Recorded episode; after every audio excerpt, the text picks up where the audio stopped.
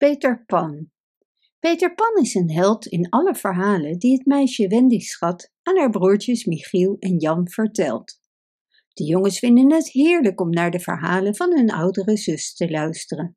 Ze kan het zo enthousiast en levendig vertellen dat het haast lijkt alsof Peter Pan echt bestaat. Op een avond gaan de heer en mevrouw Schat naar een feest. Nana de hond moet op de kinderen passen. De vader van Wendy hoort haar voor de zoveelste keer de avonturen van Peter Pan aan de broertjes vertellen. Och kind, wordt het niet eens tijd dat je fantasie plaats gaat maken voor wat meer volwassenheid, zucht hij als hij de kinderen naar bed brengt. Wat Wendy en de jongens niet weten, is dat Peter Pan elke avond bij het raam stiekem luistert naar de avonturen. Deze avond is Peter naar het huis gekomen om op zoek te gaan naar zijn schaduw.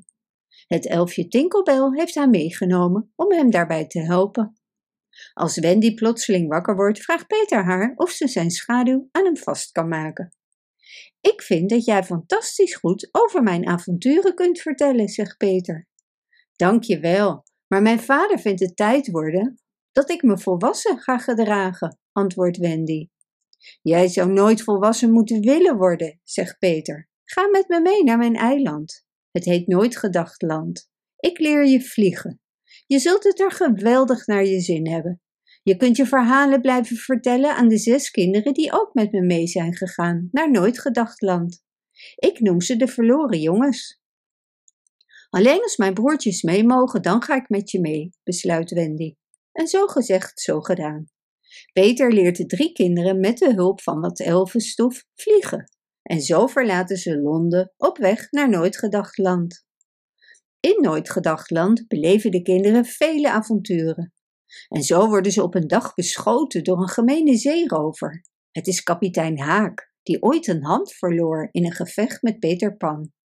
Hij is gekomen om wraak te nemen. Peter vraagt Tinkelbel de kinderen naar een veilige schuilplaats te brengen.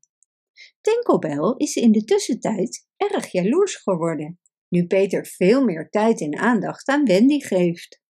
En als Peter en Wendy er niet zijn, probeert ze de verloren jongens en de broertjes tegen Wendy op te stoken. Als Peter daarachter komt, mag Tinkelbel een week lang zich niet meer laten zien in Nooit Gedachtland. Direct daarna storten de kinderen zich in een nieuw avontuur. De verloren jongens worden samen met de broertjes gevangen genomen door Indianen.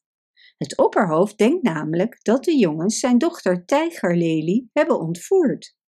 Gelukkig heeft Peter gezien dat kapitein Haak degene is die Tijgerlelie heeft ontvoerd. Hij weet haar te redden en brengt haar terug naar haar vader. En het opperhoofd is zo blij dat hij een geweldig groot feest organiseert. Iedereen vermaakt zich. Maar Wendy begint heimwee te krijgen naar huis. Ze vertelt haar twee broertjes en de verloren jongens over het huis in Londen. Wat zullen onze ouders ons missen, zegt ze bedroefd. Wat zou ik graag naar huis willen? Laten we allemaal naar ons huis in Londen gaan. Onze ouders zijn zo lief, ze zullen de verloren jongens beslist willen adopteren.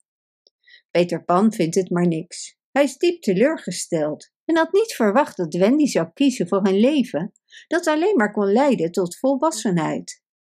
In de tussentijd heeft kapitein Haak Tinkelbel te pakken gekregen. Hij krijgt het voor elkaar dat ze hem het adres van de schuilplaats van Peter Pan en de kinderen geeft. Haak sluit daarna Tinkelbel op en stormt de schuilplaats binnen waar hij de kinderen gevangen neemt op zijn schip. Peter Pan laat hij achter met een pakketje waar een bom in zit. Tinkelbel heeft in de tussentijd kans gezien om te ontsnappen en weet het pakketje net op tijd te onderscheppen. En daarmee redt ze het leven van Peter. Deze haast zich naar het piratenschip om de kinderen te redden van de dood. Haak wil dat ze allemaal van boord worden gegooid. Dat laat Peter natuurlijk niet gebeuren en in een gevecht valt kapitein Haak zelf van boord, waar hij wordt opgegeten door een krokodil. De kinderen varen met het schip verder en met behulp van heel veel elfenstof vliegen de kinderen met het schip terug naar Londen. Thuis vertellen ze het hele verhaal. De kinderen worden allemaal liefdevol ontvangen en geadopteerd. En de vader kijkt nog even in de hemel en ziet daar het staartje van het schip hoog in de hemel verdwijnen. Het is niet vreemd voor hem, want hij herkent het uit zijn eigen jeugd. Bedankt voor het luisteren. Wist je dat je dit verhaal ook op onze website ririro.com/nl kunt lezen, downloaden en printen?